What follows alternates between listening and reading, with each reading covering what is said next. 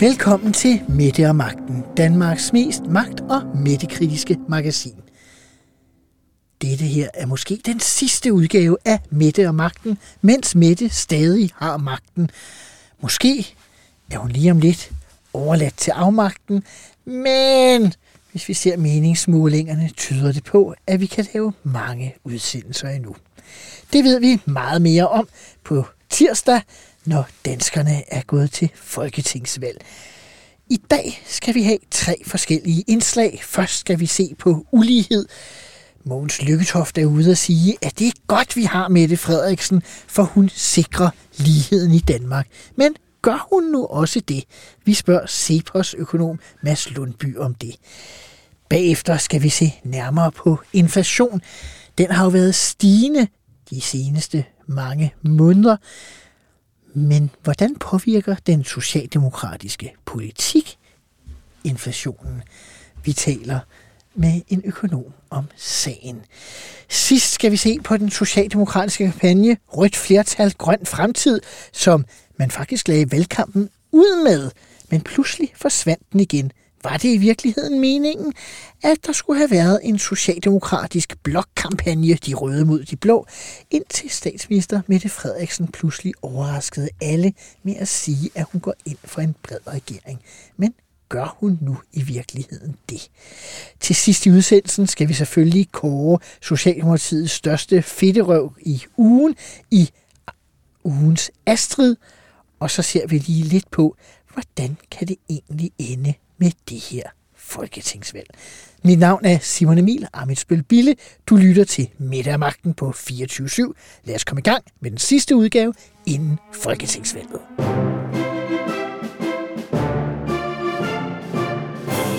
Den tidligere socialdemokratiske partiformand Mogens Lykketoft går nu til angreb på Moderaternes leder, tidligere statsminister Lars Løkke Rasmussen.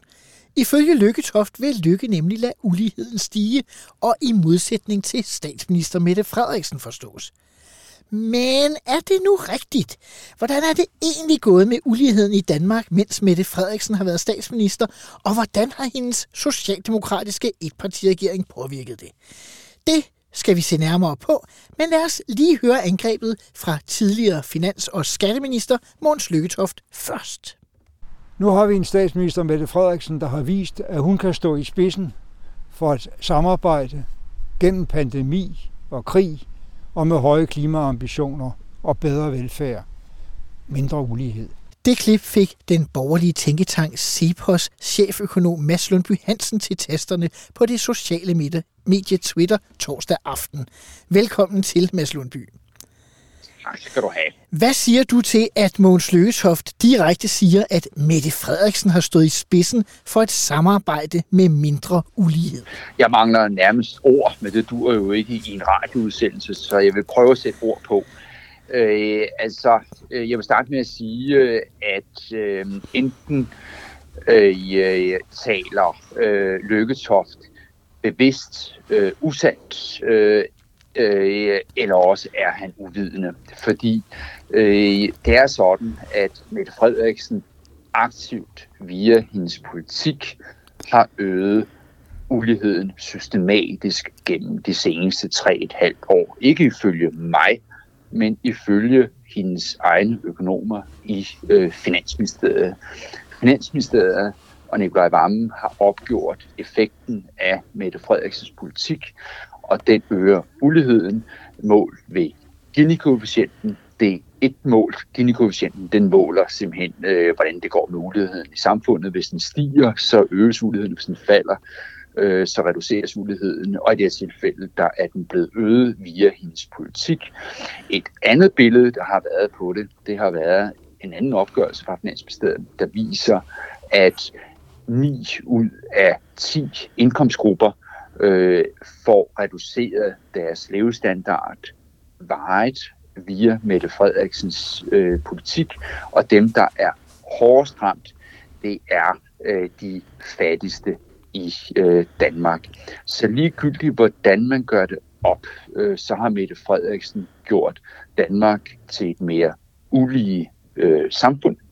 Øh, og det er jo et fuldstændig i modstrid med det, der står i Øh, I hendes øh, forståelsespapir med de andre røde partier, der står der seks gange, at, øh, at man skal reducere uligheden, men det er ikke øh, skidt. Det er måske heller ikke så overraskende. Det er hvad for halvandet år siden så opgjort det, der hedder Akademikerbladet, at Socialdemokratiet i 19 var gået til valg på 17 forslag for at bekæmpe uligheden, men kun havde gennemført de tre.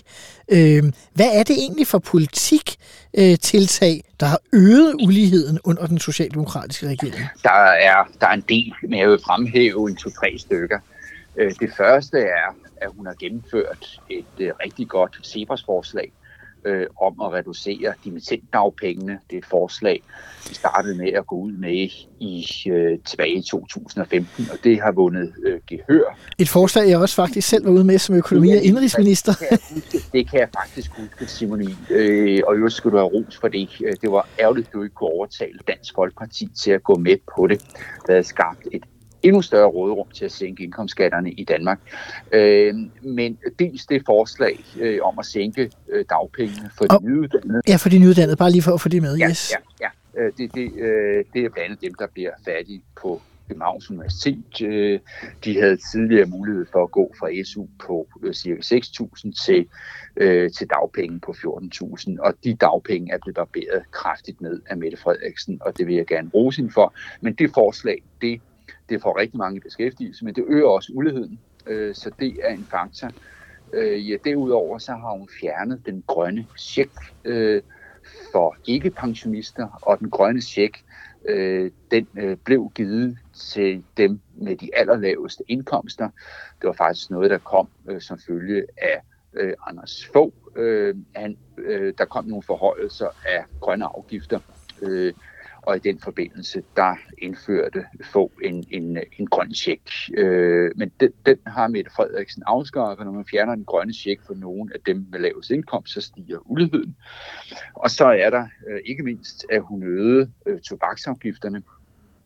Øh, og det fylder meget i budgettet for øh, personer med lave indkomster i gennemsnit, det er jo ikke alle, der ryger, men, men nogen gør, og, og der fylder det altså rigtig, rigtig meget i, øh, i budgettet. Og når jeg diskuterer det her med, øh, med de røde partier, øh, så siger de, at det gør ikke noget, vi har øget ulighed, fordi øh, det er blandt andet, fordi vi har øget tobaksafgifterne. Det er jo en god ting. Der er det min pointe, det kan sagtens være en god ting, men øh, jeg kan ikke forstå, hvorfor at de røde partier ikke så har kompenseret de laveste indkomstgrupper. Øh, det ville jo være nemt at gøre ved at øge den grønne tjek hvis man ikke lige fjernede den. Men man kunne bare øge den grønne tjek for eksempel, eller øge øh, personfradraget eller noget andet. Øh, så min konklusion er egentlig oven på alt, den, øh, alt det, der er sket i den her valgperiode, at, øh, at for politikere, og navnlig røde politikere, det gælder faktisk kun røde politikere, øh, der er det sådan, at lavere ulighed, øh, det er noget, man taler om i skoletaler og i øh, fine papirer, men når man sidder i forhandlingslokalet, så fylder ulighed ikke noget. Så er der altid noget, der er vigtigere end, end ulighed. Det kan være for mennesker i arbejde, det kan være klimaet eller miljøet, eller det kan være sundhedstilstanden. Og lige præcis den prioritering er jeg fuldstændig enig i. Øh, jeg synes bare, man skal være mere ærlig om det. Mette Frederiksen gik til valg på en publikation i 19, der hed Danmark er for lille til store forskelle. Nu skulle uligheden bankes ned. Jeg ved ikke også, om du kan selvfølgelig også huske under VLAG-regeringen de kampagner, der blev ført fra 3F og fra FH. Mm-hmm. Jeg ved ikke, hvor mange penge det har kostet fagforeningernes medlemmer at køre de kampagner imod øh, den stigning i ulighed, der også fandt sted under øh, VLAG-regeringen, og som har fundet sted under alle regeringer siden midten af 90'erne. Øh, men der var kørt nogle kæmpe, kæmpe kampagner øh, imod den stigende ulighed under VLAG, da øh, Simon Emil sad ved, øh, ved rettet i den økonomiske politik. Øh, og øh, det, er, det har været bemærkelsesværdigt for mig at se, at øh, så kom der en ny regering, øh, som øgede uligheden yderligere. Altså det onde niveau øh, for ulighed, som, som var udkommet af, af jeres politik ifølge øh, de her organisationer, ja, det niveau har Mette Frederiksen øget og nu er de tavse som graven. Nu betyder ulighed ikke noget. Og det er sådan det generelle billede øh, for 3F og FH, øh, det daværende LO og AI-rådet, det er, at ulighed det er et problem under borgerlige regeringer, under socialdemokratiske regeringer, er ulighed ikke noget problem. Men det du det så, bare lige, bare lige for at holde fast i en af pointerne, Mads Lundby, ja. det du så kritiserer i virkeligheden, det er vel på flere af forslagene, der siger du, det er jo egentlig meget fornuftigt at gøre noget ved dimittentsatsen, eller det kan jo ja. egentlig også være fornuftigt at fjerne den grønne tjek, hvis det skal være. Men ja, ja, det, det er mere hyggeleriet i virkeligheden, det end det er politikindholdet. Ja, ja, præcis, præcis. Øh, fordi altså, mit synspunkt, det er jo det samme som Mette Frederiksens øh, og Pernille Skipper og vi ellers sidder, når de sidder i forhandlingslokalet, vil at mærke, at vi er verdens mest lige samfund. Så udfordringen, det er altså grundlæggende at få flere ind på arbejdsholdet, altså øge beskæftigelsen. Øh, og når man skal det, så er der faktisk kun to metoder. En metode, det er at reducere skatten på arbejde. Og når man gør det, så øges uligheden, fordi vi er 3 millioner, der er i beskæftigelse. Vi får en skatteledelse. De 2 millioner på overførsel får ikke nogen ledelse. Så det øger uligheden. Og den anden metode, det er at sænke øh, ydelserne, som Mette Frederiksen har gjort det her mm. øh, med øh, dimittentdagpenge, og som hun faktisk også gjorde, da hun var beskæftigelsesminister, hvor hun øh, reducerede... Under hele Thorning, ja. Ja, hvor hun simpelthen reducerede kontanthjælp markant for de unge. Øh, det øger altså også uligheden, Øh, øh, men det får folk i arbejde. Øh, og, øh, og du har fuldstændig ret. Altså det, øh, der, der, øh, der falder mig for brystet, øh, det, det, er, det er det hyggeleri, og jeg, øh, jeg, jeg må indrømme, jeg, jeg synes godt nok, det er vildt, at vi har en Mogens Lykketoft, øh, som udsender sådan en S-video her, hvor han, hvor han siger, at, at, man, at man har sænket øh, uligheden gennem den her periode. Jeg må øh, igen, øh, jeg, jeg, må, jeg må gentage, altså enten taler han bevidst øh, usandt, eller også er han uvidende. Hvad tror du? Altså, jeg tænker, en mand som Måns Lykketoft, selvom han er politisk øh, modstander, så vil jeg sige, at han er vel et af de mest begavede mennesker, der har siddet ja, i Folketinget ja, de seneste 50 ja. år. Han har været finansminister i næsten ja, øh, 8 år. Han har været skatteminister i et års ja, tid også. Altså, ja. han har været økonom i øh, Arbejdervægelsens Erhvervsråd. Altså. Selvfølgelig ved han det her. Øh, øh, så du burde egentlig ringe til ham øh, Simon Emil, det skal jeg ikke bestemme, men det kunne jo være spændende at høre hans reaktion på det her. Øh, mit bud er også, at han ved det, øh, men jeg tror, han tænker, at øh, der er så få, øh, der ved det, fordi medierne gider ikke skrive om det her under en rød regering. Hvis det var sket under en blå regering, så vil jeg love dig for, så havde det været smadret ud på, på forsiderne øh, øh, gennem hele valgperioden. Men, men der, der er ikke nogen, der gider, gider skrive om det, og der er få, der ved det. Øh, så, øh, og det er rigtig godt. Det passer godt ind i den, den socialdemokratiske selvforståelse, at man selvfølgelig har reduceret øh, uligheden. Øh, men sådan er det ikke. Uligheden steg under Myrup, den steg under Torning, og den stiger under Mette Frederiksen. Og øh, hvis, du går ind i, hvis Mette Frederiksen bliver genvalgt som statsminister, så er det jo bud, at hun fortsætter linjen med at øge uligheden. Ikke at jeg vil beklage det, men, men, men jeg synes, der er en afgrund mellem øh, Øh, den retorik, der bliver kørt omkring uligheden i skoletalerne, og så den politik, man fører. Og der er også en afgrund mellem, hvordan man, øh, man ser på ulighed, når der er en blå regering, henholdsvis en rød regering. Er der er nogle enorme dobbeltstandarder og hyggeleri. Det sidste kan jeg være med til at bekræfte. Jeg var med til at forhandle, at man nedsatte for eksempel selskabsskatten, mens Helle Thorning øh, var øh, hvad hedder det, statsminister. Jeg var også med til at forhandle øh, lavere øh, kontanthjælp sammen med Joachim B. Olsen, ja. øh, da, da Mette Frederiksen var beskæftigelsesminister. Til gengæld, da jeg var økonomi- og indrigsminister under VLAG-regeringen, der oplevede vi jo, at de nu ikke kun gik ind øh, og interesserede sig for ændring i den Gini-koefficient, du talte om før, lige efter kommet, men også på anden decimal. Så ja. selv når et forslag ændrede 0,01 på den her skala, ja. Ja. så kunne de sørme ikke være med til at gennemføre det, og Christian. Thulesen Dahl, der jo på det tidspunkt prøvede at kopiere Socialdemokratiet i mangt og meget, han tillagde sig så samme synspunkt, så pludselig kunne man nærmest ikke gennemføre noget, hvis det øh, helt ude i, i nærmest teoretiske detaljer øh, øgede uligheden det er en god point. Jeg har jo forgæves, må jeg sige, igennem nu 17 år prøvet at, at bearbejde det her. Ikke? Og, altså, jeg kunne så godt tænke mig, at Socialdemokratiet agerede identisk i forhold til ulighed, altså uanset om, om man er i regering eller i opposition. Men altså, ja, øh, når Socialdemokratiet er i regering, så har de et meget, meget fornuftigt syn på ulighed, at det er ikke vigtigt. Øh, men, men når de er i øh, opposition, øh, jamen så er de i kampagnemode og er ude og highlighte hver gang, at Ginien vokser med 0,001. Øh, og, og medierne øh, kører med på den. Øh, og det er bare en ekstra udfordring for en borgerlig regering. Øh, og sådan er det. Øh, jeg har lige, Ja, bare lige, øh, jeg har lige øh, pakket mit øh, kontor ned på øh, Christiansborg, og noget af det, jeg fandt, var faktisk en tale, jeg holdt på et VLAK-regeringsseminar om lighed og ulighed og de her problemer. Ja. Og, og en af tingene er også, at når man fører kampagner imod borgerlige regeringer for at øge uligheden, ja. så får man ofte at vide, at øh, så ser man ofte på, hvad gør det sådan ligesom nu, altså i et punkt lige i det her år, i stedet for at ja. se, hvordan påvirker det lighed ulighed, hvis du ser i et 10-årigt eller et længere perspektiv, hvor det ikke nødvendigvis har den samme øh, store effekt, eller uligheden ikke er så stor mellem danskerne, hvis du ser et længere perspektiv, end hvis du ser på et år, fordi nogle gange er vi jo studerende eller arbejdsløse, men andre gange har vi et arbejde og, og så videre. Øh, det er fuldstændig rigtigt. Sådan noget som topskatten, øh, der er det sådan, at hvis, hvis du fjerner den, så øges Gini øh, med et point.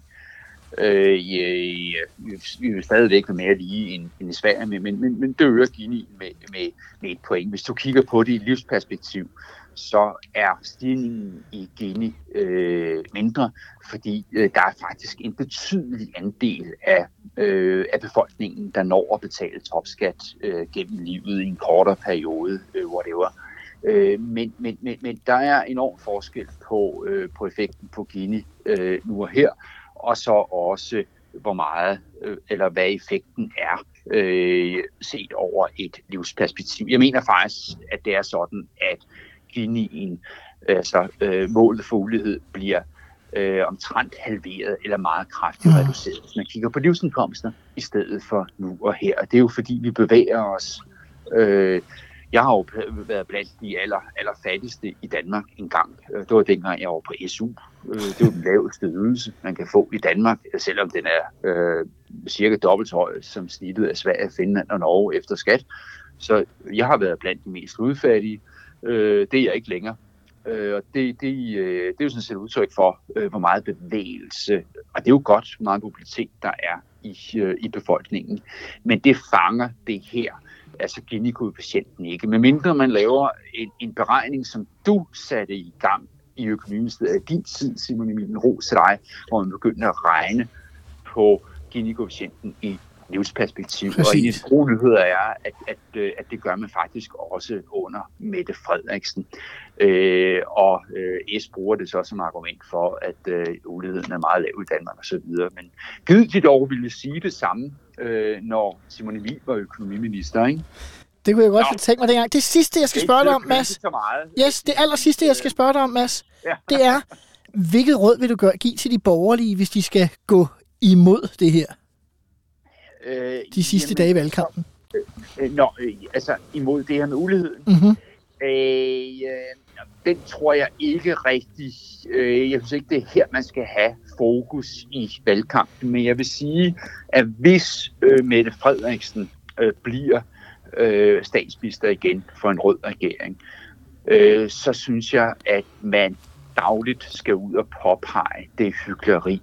Øh, fordi øh, hvis hvis man kan få stoppet hyggeleriet, så får vi en helt anden reformdagsorden under borgerlige regeringer. Så bliver det meget mindre svært at gennemføre de her reformer. Hvis det er sådan, at når S går ud og kritiserer Simon Emil som økonomiminister for at reducere dimittenddagpengene, og de siger, at det øger uligheden, så vil jeg ønske, så vil jeg ønske at, øh, at øh, journalisten siger med det samme til øh, den politiske ordfører for S, jamen hør en gang øh, i sidste valgperiode, da I havde magten, der øgede I jo også uligheden systematisk. Det vil tage vingerne, øh, det vil tage luften ud af, af en ulighedskampagne. Så vi borgerlige skal være meget bedre til at råbe op om det her hyggeleri. Der føler jeg, at vi i Sebers og jeg øh, er, er ene mand, øh, der, derude på det. Hvor ville det være dejligt, hvis flere borgerlige tog denne kamp. Og den er helt enormt vigtig, fordi ulighedsdagsordenen er en enorm reformbremse under øh, borgerlige regeringer. Du har selv refereret til, mm. øh, hvordan Tusinddal redde med på det der ulighedshalløj. Øh, Mads Lundby Hansen, du skal have tak, fordi du ville være med i Mette og Magten. Tak, fordi øh, jeg måtte være med, Simon Emil. Det var en fornøjelse.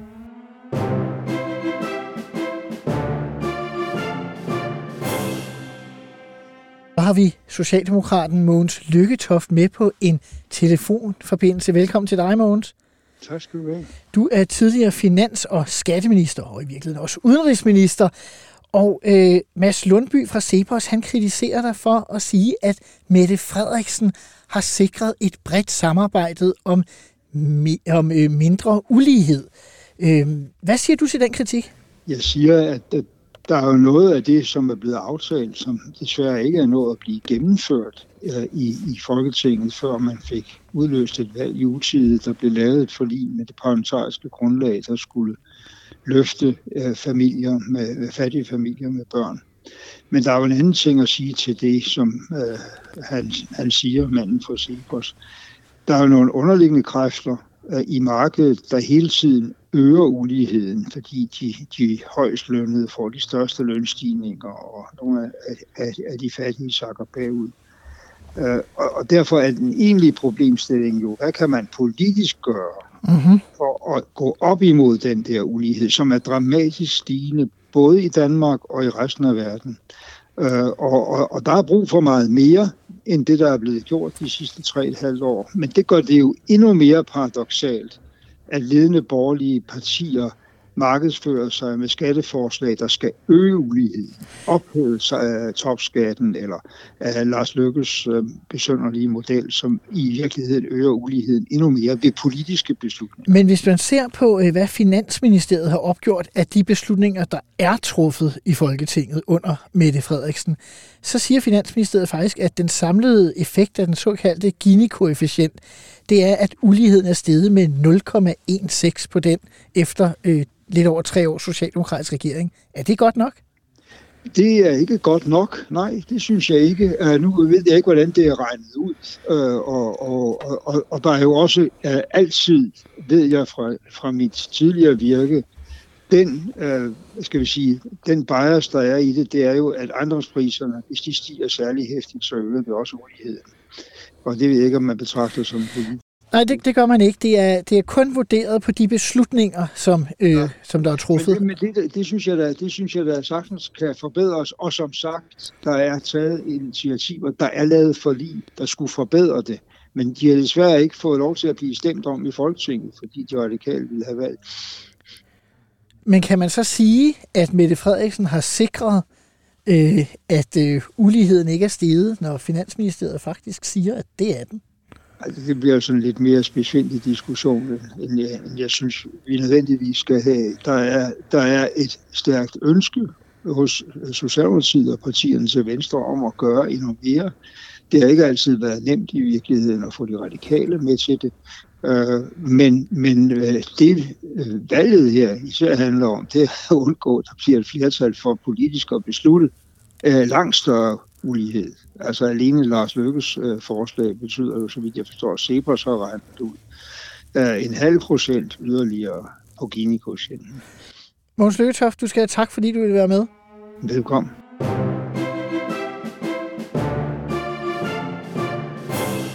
Inflationen er kommet tilbage. Stigende priser, som mange af os ellers kun kendte fra historiebøgerne, er nu virkelighed, når vi skal varme boligen op, købe dagligvarer eller fylde brændsel på bilen. Men hvordan påvirker valgkampen inflationen? Hvad betyder det eksempelvis, når de offentlige ansatte pludselig skal have mere i løn? Jeg har ringet til Lars Christensen, uafhængig økonom med eget rådgivningsfirma, tidligere embedsmand i Økonomiministeriet, også med en fortid som bankøkonom. Velkommen til dig, Lars. Mange tak. Hvordan øh, påvirker det så inflationen, når for eksempel Socialdemokraterne og andre pludselig foreslår, at de offentlige ansatte skal have lidt ekstra i lønningsposen? Altså man kan jo sige, den, øh, den, den lette løsning, eller den det lette svar er at sige, det gør de ikke rigtigt. Og øh, så kan man sige, hvorfor, hvorfor gør de ikke det? Jamen altså den primære grund er, at øh, inflationen i høj grad er udefra kommende. Det er den europæiske pengepolitik. Det er den europæiske centralbank, der i høj grad bestemmer, hvad inflationen er.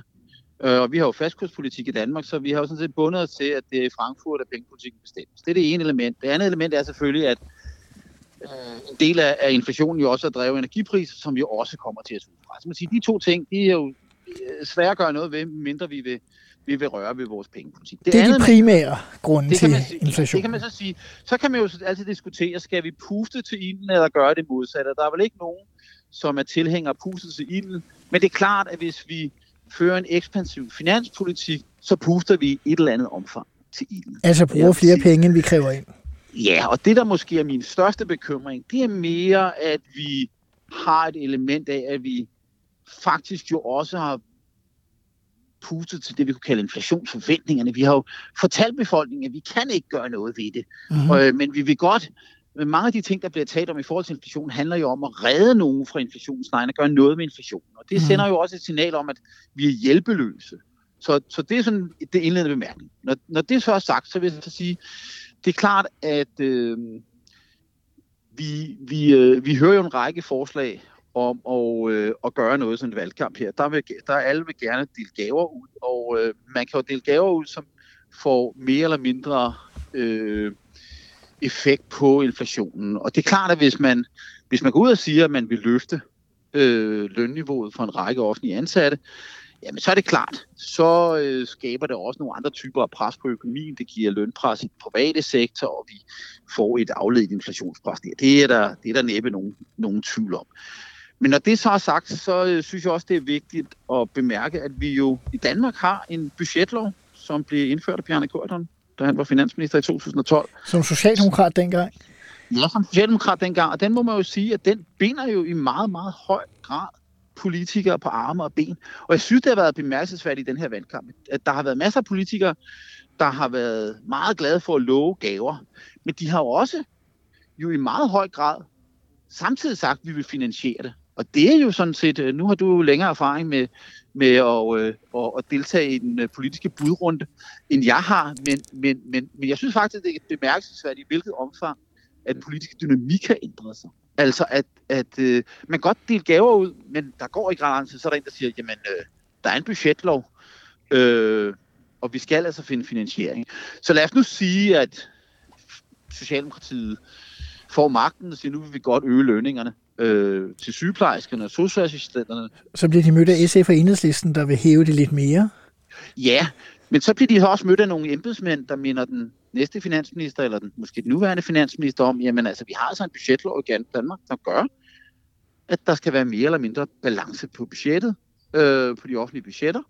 Øh, vi kan godt bruge flere penge, hvis økonomien har det dårligt, men vi skal også bruge færre, når den har det godt, og øh, der skal være strukturel balance. Så en til en, så skal vi finde finansiering. Og så, så sker det jo altså det, at hvis vi skal finde en til en finansiering på de lønudgifter, som man bruger flere, så må det jo altså modgås af nogle tilsvarende udgiftsbeskæringer andre steder, eller skatteforhold. Mm-hmm. Og så må man sige, så forsvinder jo en del af inflationsproblemstillingen. Det betyder ikke, at problemstillingen generelt forsvinder, fordi vi er i en situation, hvor at arbejdsmarkedet er glow hit stadigvæk. Mm-hmm. Øh, og det vil jo sige, jamen hvis du skal tiltrække hænder til den offentlige sektor, så skal du tage dem et andet sted fra. Øh, så skal de tages fra den private sektor, så skal det tages for noget, øh, hvor du, du, du trækker noget ud af den private økonomi. Og derfor så vil jeg jo nok være sådan at sige, jamen det er ikke nødvendigvis den største bekymring at sige, gør det noget ved inflationspresset? Nej, hvad gør det ved vores produktivitetsudvikling? At verdens største offentlige sektor skal være endnu større. Og dermed for vores øh, vækstmuligheder. For vores vækst, for vores langsigtede vækst, for vores langsigtede velstandsskabelse. Og det kan man sige, det er jo også på den måde at sige, jamen vores væsentligste problem i en del af det her inflationschok, der har været, det er jo, at vi ganske enkelt alle sammen er blevet fattige. Altså når, når mm-hmm. energien koster mere penge, jamen så er det jo ikke sådan, at vi kan jo ikke... Altså en af problemerne er jo lidt her, at vi kan jo ikke, vi kan jo ikke hvis, hvis vi ikke gør noget ved inflationen, øh, så kan vi jo ikke rende rundt og kompensere en alle sammen. Hvis vi alle sammen er blevet fattige, er der ingen, der bliver rigere af, at naboen skal betale dig.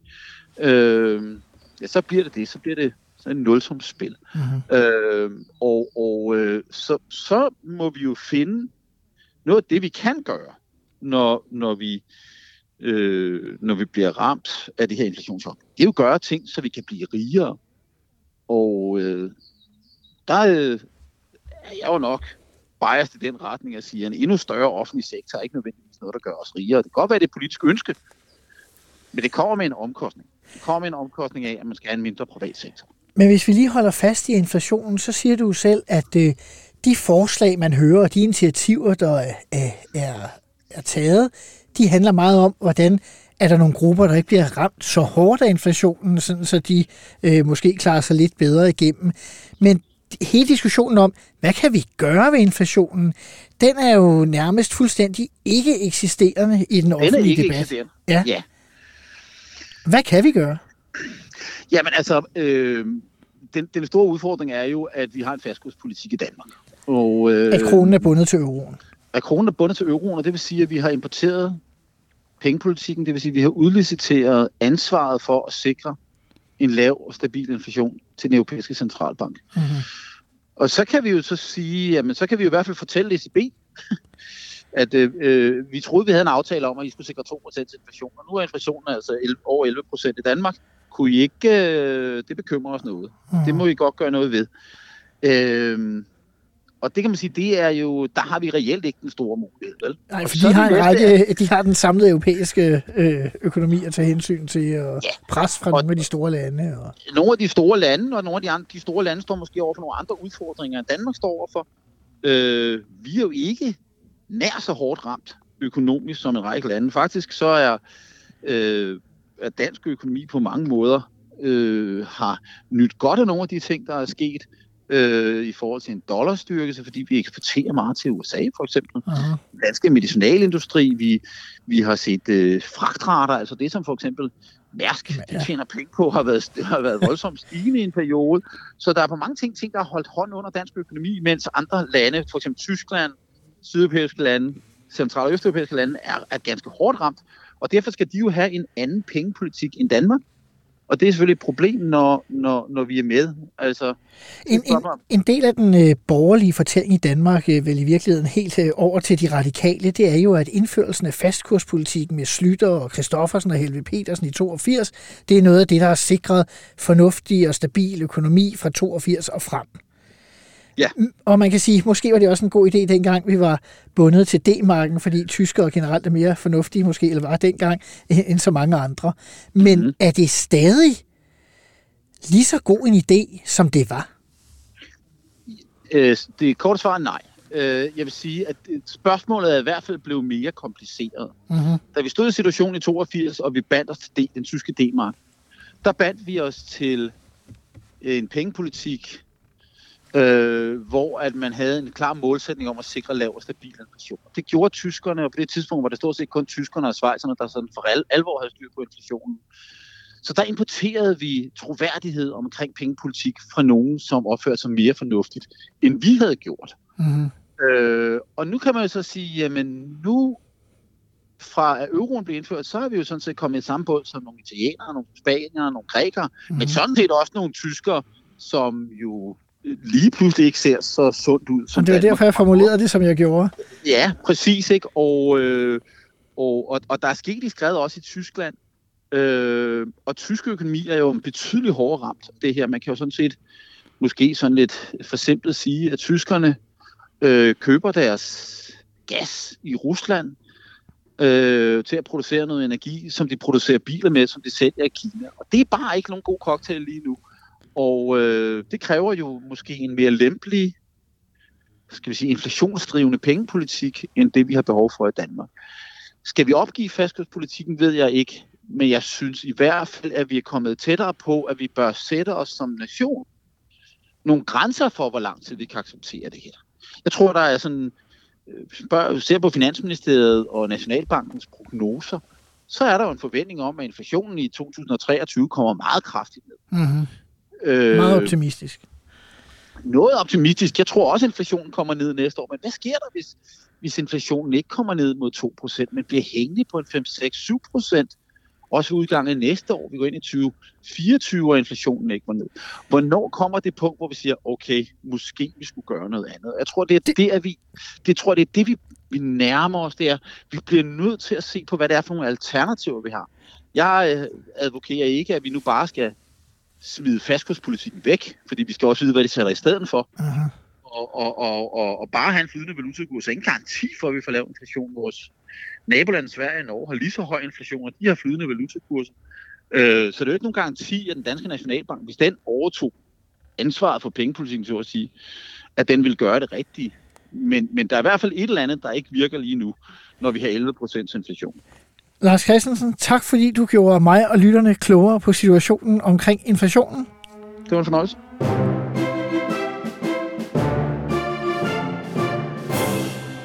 Rødt flertal, grøn fremtid. Sådan lød det på Twitter og i reklamefilm fra Socialdemokraterne lige efter valget blev udskrevet. Jeg har også set et enkelt banner på Lyngbyvejen, men ellers forsvandt den kampagne ligesom igen. Jeg har inviteret ansvarshavende chefredaktør for A4 Medier, Christian Massen, med for at tale om, Socialdemokratiet måske i virkeligheden havde forestillet sig en blokkampagne rød mod blå, men ændrede det i sidste øjeblik. Velkommen til dig, Christian Massen. Tak skal du have. Sådan som du opfatter det, at ser det ud til, at det her var sådan en kampagne, man måske bare øh, havde planlagt at køre, og så måtte man hurtigt trække den væk, for at nu sagde statsministeren, at de skulle have en bred regering over midten. Ja, men der er vel ingen tvivl om, at Socialdemokratiet ligesom lå med to forskellige strategiske muligheder. Den hun valgte til sidst med midterregeringen, eller at gå hårdt på øh, genvalg af den nuværende regering, altså øh, øh, Socialdemokratiets mindretalsregering, i samarbejde med de, øh, de tre eller fire, hvis man tæller alternativet med, øh, røde partier. Så det har hun jo i virkeligheden også adresseret selv med det Frederiksen, at det først var i de sidste dage, man egentlig endelig træf beslutningen om, øh, om den her øh, den her udmelding med, med den brede regering. Men kunne man overhovedet have valgt en, øh, en blokkampagne, når man havde et radikalt venstre, der sådan godt nok peger på Mette Frederiksen, man siger, at den nuværende regering kan i hvert fald ikke fortsætte? Ja, det kunne man vel godt, fordi så kunne man vel forestille sig, altså som stadig er et realistisk scenarie, hvis der bliver et rødt øh, flertal, en, SRSF-regering eller en SSF-regering, eller hvad ved jeg. Der er jo forskellige muligheder, så man kunne sådan set godt forestille sig den nuværende politiske linje nogenlunde videreført, og så et enkelt eller to partier med ind i regeringen. Men jeg synes også bare, når man ser, at man måske netop havde forberedt, og du siger, at statsministeren har endda øh, sagt det offentligt, at, at det var sådan noget, de valgte rimelig sent. Det var sikkert også en rimelig snæver kreds, går ud fra, øh, du tænker, øh, der valgte det rimelig sent. Ja. Øhm, Tror du så overhovedet, at hun mener det med den brede regering, eller er det bare noget, hun siger for at dække jeg? Jeg tror overhovedet ikke, hun mener det. jeg tror, tror overhovedet ikke, hun mener det. Nej, det, det, det tror jeg på ingen måde, uh, hun mener. I den forstand, at altså, Mette Frederiksen mener, at det er bedst, hvis Socialdemokratiet styrer landet alene. Han sagt. Så det, og, og det er jo det, man har gjort i de sidste tre år. Uh, selvfølgelig i parlamentarisk samarbejde med de røde partier. Men, men Øh, det er jo hele hendes raison d'etre for at smide de radikale ud, øh, raison d'etre, hendes, hendes resonemang for ja. at, at smide de radikale ud, det var jo præcis det. Og da, når hun øh, introducerede sine ministre der tilbage i 19, så sagde hun, det er vigtigt, at de har et socialdemokratisk kompas alle sammen. Ikke? Uh-huh. Altså, øh, hele det her med, at, at vi laver løsninger i fællesskab, det er jo noget nyt, hun, hun lidt har fundet på, hvis man nu skal være helt ærlig her til valgkampen. Og øh, det har jo fungeret relativt godt for hende i den forstand, at øh, vi havde, øh, vi havde jo ligesom diskussion før valget, om, om det, det her øh, valg ville blive afgjort på midten, eller Aarhus Inger Støjberg, hendes vælger. Og der må man jo bare sige, at det her valg er jo blevet et midtervalg, som man næsten ikke kan Vi skal næsten tilbage til sådan nogle Niels Helvigiske dage, ikke? Ja. Og, øh, at, at valg på den her måde har kørt på midten. Og det så de jo rigtigt. Og Mette Frederiksen har hele tiden gået efter Europa midten i den her valgkamp. Hun har talt om skattelettelser. Det har vi nærmest aldrig hørt hende sige før. Ja, først skulle man altså, vælge mellem skattelettelser og velfærd. Præcis, øh, og hun har talt om den her brede regering og forskellige andre ting, der ligesom peger lidt ind over midten til, øh, til nogle forskellige samarbejder.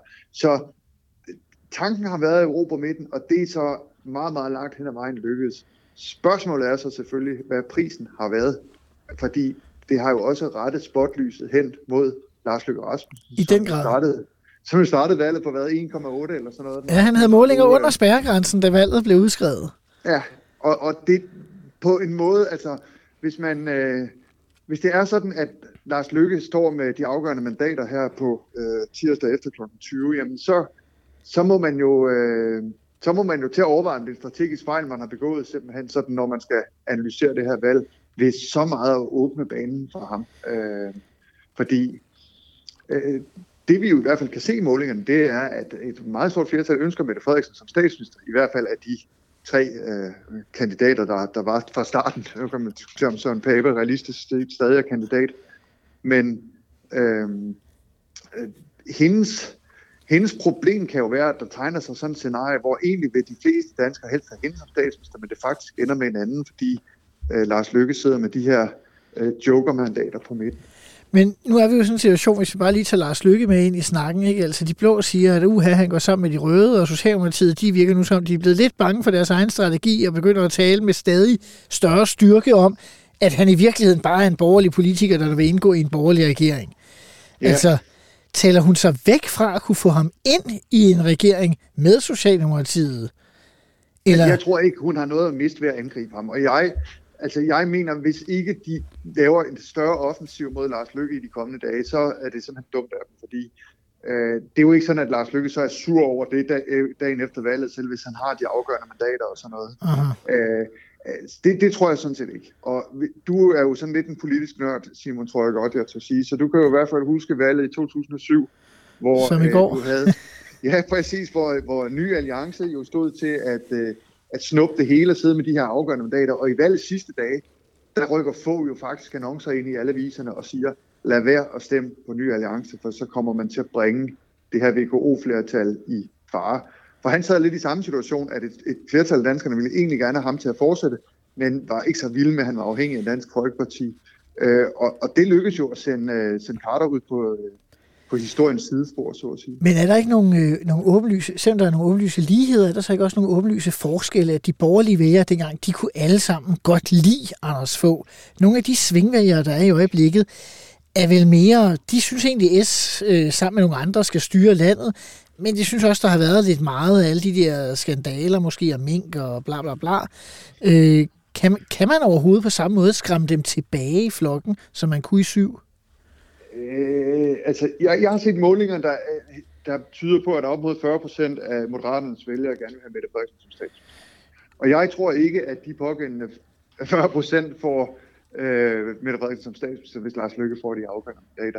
Og det tror jeg heller ikke, Socialdemokratiet på nogen måde føler sig sikre på. Og alene derfor burde man jo sige til de vælgere, okay, det kan godt være øh, magtfuldkommenhed og alt det her, men men du er nødt til at være øh, klar på, at hvis du stemmer på Lars Løkke, så bliver det øh, formentlig Ellemann eller Lars Løkke selv, der bliver statsminister. Ja, de er nok ikke skræmt af, at det bliver Lars Løkke selv, der bliver statsminister, fordi de der valg, der er det jo sådan noget mellem Løkke og Ellemann og Pape, eller sådan noget, så vidt jeg husker de der tal, ikke? Øh, og det man jo ikke har spurgt om, det er jo bare sådan en ting, jeg synes er lidt interessant, og det er måske meget politisk nørderi, men det er, man har vel ikke spurgt dem, hvor vigtigt det er for Moderaternes vælgere, hvem der skal være statsminister. Man har spurgt, hvem de synes, det helst skal være. Ja, det kan du selvfølgelig sige. Altså, og det kan da godt være, at der er nogle stykker for, hvem det er ligegyldigt, hvem der er statsminister og noget andet, øh, et eller andet bestemt politisk vigtigt. Men jeg tror, også sådan erfaringen i dansk politik har jo været, at det, det betyder temmelig meget for vælgerne, ligesom at vide, hvilken retning det peger. Og det, der har været Lars Løkke genistreg i den her valgkamp, det er jo, at det lykkedes ham fuldstændig, som du siger, at lyde lidt som begge dele. Uh-huh. Altså i modsætning, i modsætning til Nasser Carter, det er jo måske der, den største forskel er, som jo var en inkompetent politiker, for at sige det lige ud, så har vi jo her at gøre med en af de mest erfarne og en af de mest snu- og durkdrevne danske politikere overhovedet, som jo slet ikke lader sig fange på samme måde, som, uh, som Nasser Carter gjorde. Og så har han måske også den fordel, at der er, jeg ved ikke hvor mange blå partier, der siger, at ah, vi ved ikke, om vi peger på Ellemann eller, Lø, eller, undskyld, Ellemann eller Pape. Og hvis andre partier ligesom er i tvivl, så er det måske, selvom det for os er meget sådan rød og blå, så er det måske også mere bare legitimt, at man ikke er helt sikker på, hvad for et parti, hvem man stemmer på som statsminister, fordi det er der jo også andre, der ikke er helt sikre på. Ja, men jeg tror egentlig mere, at det lykkedes ham at være sådan en slags øh, Rorschach-politiker i den forstand, at det er ligesom de her blækklatter, man ser på, hos psykologen, og så kan du se, hvad du vil. Aha. Altså, hvis du foretrækker Mette Frederiksen som, som statsminister, så lægger du mærke til de ting, Lykke siger, som lyder som noget med Mette Frederiksen. Aha. Og øh, hvis du foretrækker en af de blå, så, så er det nogle af de ting, du lægger mærke til, øh, han siger. Og du kan jo se det i deres egne kandidater, hvor ved de her kandidattest, der ligger de jo fuldstændig spredt ud over det politiske spektrum. Fra nogen, der vil have gratis offentlig transport og blive ro milliarder på kultur, og til nogen, der vil ned med topskatten og op med humøret og alt det der. Ikke? Jeg, jeg, jeg, jeg tror, jeg kan afsløre, at sådan er det en række partier, hvis ikke der var strammere styring. ja, men det er jo netop det, der er pointen. Ikke? Altså det, det, det tror jeg, det, det er jo så mere det langsigtede problem for, for øh, Lykke, det om han kan holde sammen på den der flok, eller det hele eksploderer i øh, indvolde og lille balloner på et eller andet tidspunkt. Altså. Så dit råd til Mette Frederiksen, hvis man skulle sige det på den måde, det ville være at give den fuld skrue mod Lars Lykke her de sidste par dage frem øh, øh, mod tirsdag, øh, og så ellers være parat til at, at forhandle sig med en, med en regering med ham efter valget, hvis han stadig skulle have de afgørende mandater.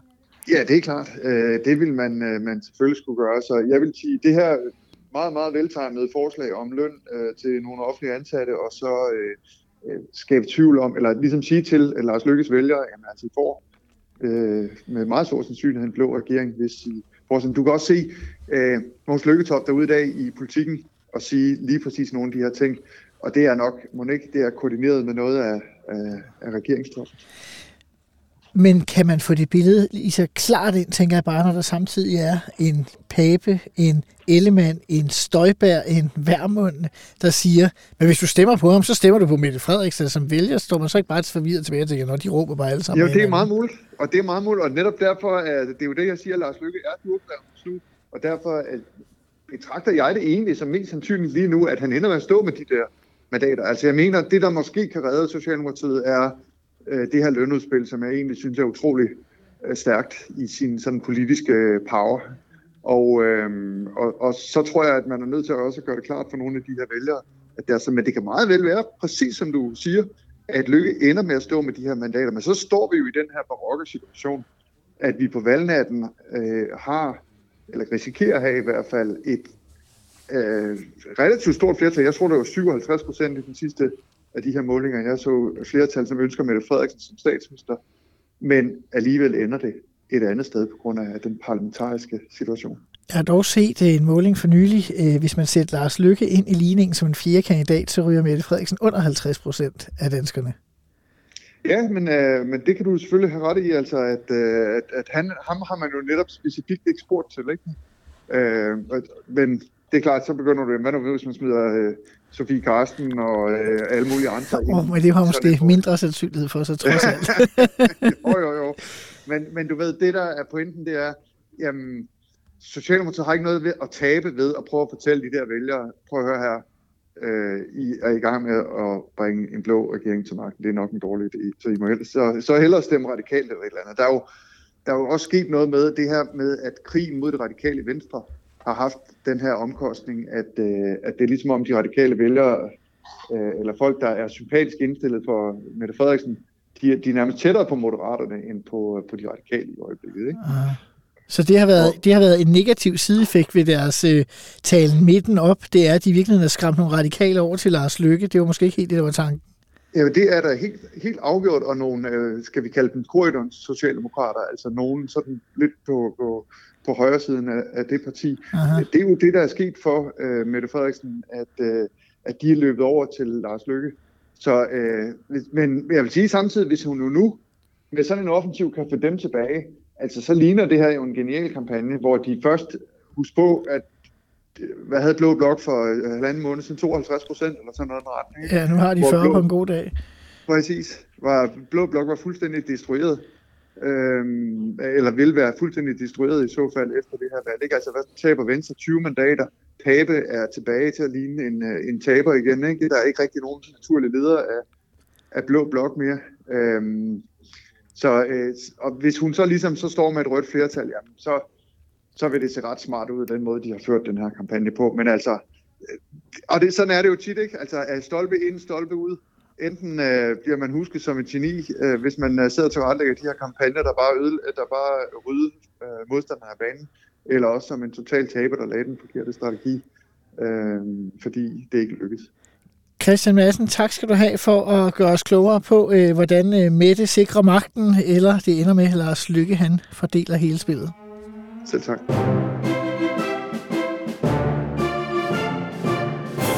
Så skal vi til det. Ugens Astrid. Hvem er den største socialdemokratiske fedterøv den seneste uge? Det er faktisk rigtig svært at afgøre, fordi det vrimler simpelthen med kandidater.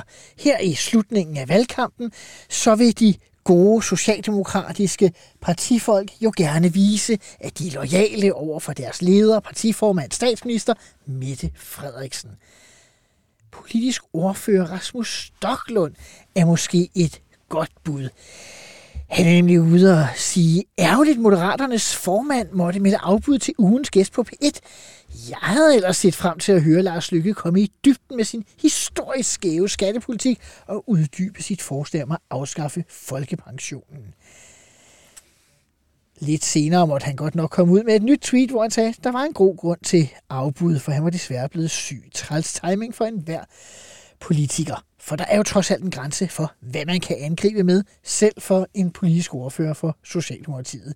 Men godt forsøgt at angribe Lars Lykke for at være socialt skæv, for det er jo lige præcis det, Socialdemokratiet har brug for her de sidste dage, hvis de skal trække nogle af midtervælgerne tilbage til partiet. Men måske er der bedre kandidater. Vi kunne tale om integrationsminister Kort Dybvad. Han skrev på Twitter, jeg har banket døre i Jyderup i dag. Mange har folkepensionen som hovedindtægt og er ikke i stand til at arbejde. Trist at tænke på, hvad de skal gøre, hvis moderaternes plan bliver gennemført og folkepensionen nedlagt. Igen et hårdt angreb på Lars Lykke. Man kan godt se, hvad det er, Socialdemokraterne er gang i. Men Kort Dybvad måtte jo alligevel lidt efter skrive. Jeg vil gerne beklage, at mit tweet giver det indtryk, at folkepensionen skal fjernes for dem, jeg mødte. Det er jo først for folk i samme situation i fremtiden. Og det vil sige, først måtte Rasmus Stoklund sige, ah, han var måske lidt grov ved lykke. Derefter måtte Kort Dybvad sige, ah, jeg var måske også lidt for grov ved lykke. Fordi de er så optaget af at fedte for Mette Frederiksen, så de kan næsten ikke finde ud af, at skrive det korrekt. Også Klimadan har været på banen. Nice try, skriver han til Moderaternes Jakob Engel Schmidt, at det også insisterer på indhold, når Lykke blander sig i, hvem der vil være formand for S. Og det skyldes, at Lars Lykke har sagt, at det gør det jo sværere at pege på S, når det er Mette Frederiksen, der er kandidaten. Der er vist ingen tvivl om, at Lars Lykke godt kunne tænke sig Nikolaj Vammen eller som vi kender ham her i udsendelsen som. Finansministeren. Og apropos, Finansministeren. så har han også været på Twitter og skrevet om helt almindelige familier står til at miste tusindvis af kroner, mens direktøren forgyldes med moderaternes skatteplan. Den er, det er da ikke moderat. Det er voldsomt. Igen fedtes der virkelig markant for statsminister Mette Frederiksen. Gode kandidater. Klimadan er en god kandidat. Rasmus Stoklund, den politiske ordfører, er en god kandidat. Kåre Dybvad, Holbæks store forsvarer, er en god kandidat. Men ingen af dem vinder. Ugens Astrid skal nemlig være en helt anden.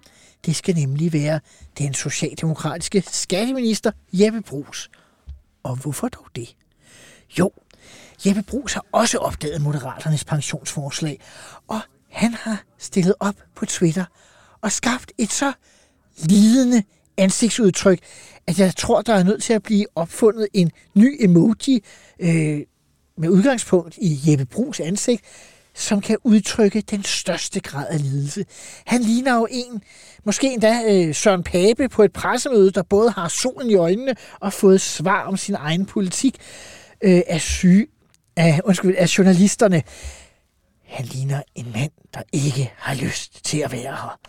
Han har simpelthen lavet en lidelseselfie, der er værre end den værste lidelseselfie fra selveste Astrid Krav, ministeren, der har lagt navn til vores pris for den største socialdemokratiske fedterøv, nemlig ugens Astrid. Tillykke til Jeppe Brugs, og til alle os andre må vi bare ønske lykke til, at det ikke lykkes Socialdemokraterne at kapre alle stemmerne, så vi ikke længere kan sende Mette og magten. Mit navn er Simon Emil Amitsbøl Bille. Jeg har været dit vært på denne valgudgave af Mette og magten. Tak for i dag, og måske på genhør.